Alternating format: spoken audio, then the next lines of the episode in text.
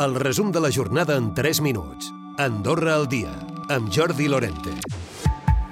El Comú de la Massana ha aprovat aquest dijous el tràmit necessari per a la cessió dels terrenys de la primera fase del nou vial que anirà fins al fons de la vall, per on va l'antic camí ral.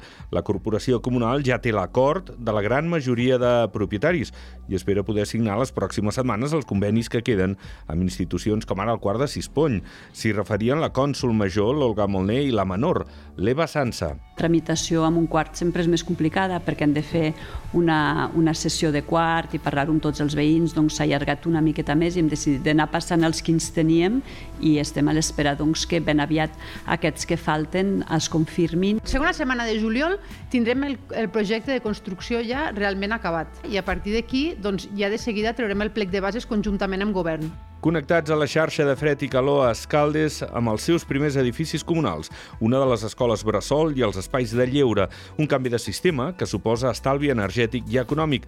En parla el gerent de FEDA Ecoterm, el Jordi Travé.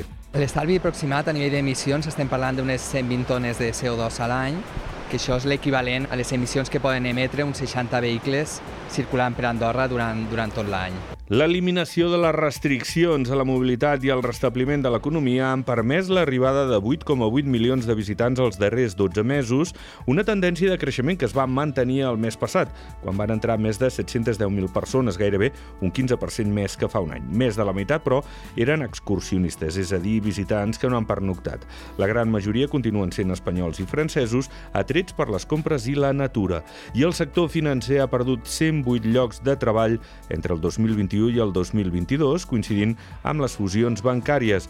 En aquest període, el sistema financer del país ha quedat reduït de 5 a 3 entitats. De fet, el sector financer tenia 1.337 empleats el 2021, una xifra que hauria baixat fins als 1.229 i nova ronda de negociacions amb Brussel·les, la primera del nou govern, en què s'han aixecat les reserves sobre els acords de les dues darreres. Debats eminentment tècnics, on s'ha tancat el cabal europeu de duana i protecció al consumidor. Avenços també en la normativa de productes, clima, energia i seguretat alimentària. El govern, per cert, ha aprovat el primer esborrany de pacte d'estat sobre la negociació abans de presentar-lo als grups parlamentaris. I el Comú d'Encam ha convocat un concurs per adjudicar els treballs de redacció del projecte d'ampliació del Casal del Poble. L'objectiu és fer un espai més adaptat als nous temps. Hi ha dues opcions que es plantegen. Una seria afegir una nova planta a l'actual edifici i l'altra fer-lo més gran. Quan estigui adjudicat, es buscaran alternatives si s'han de tancar espais durant un temps.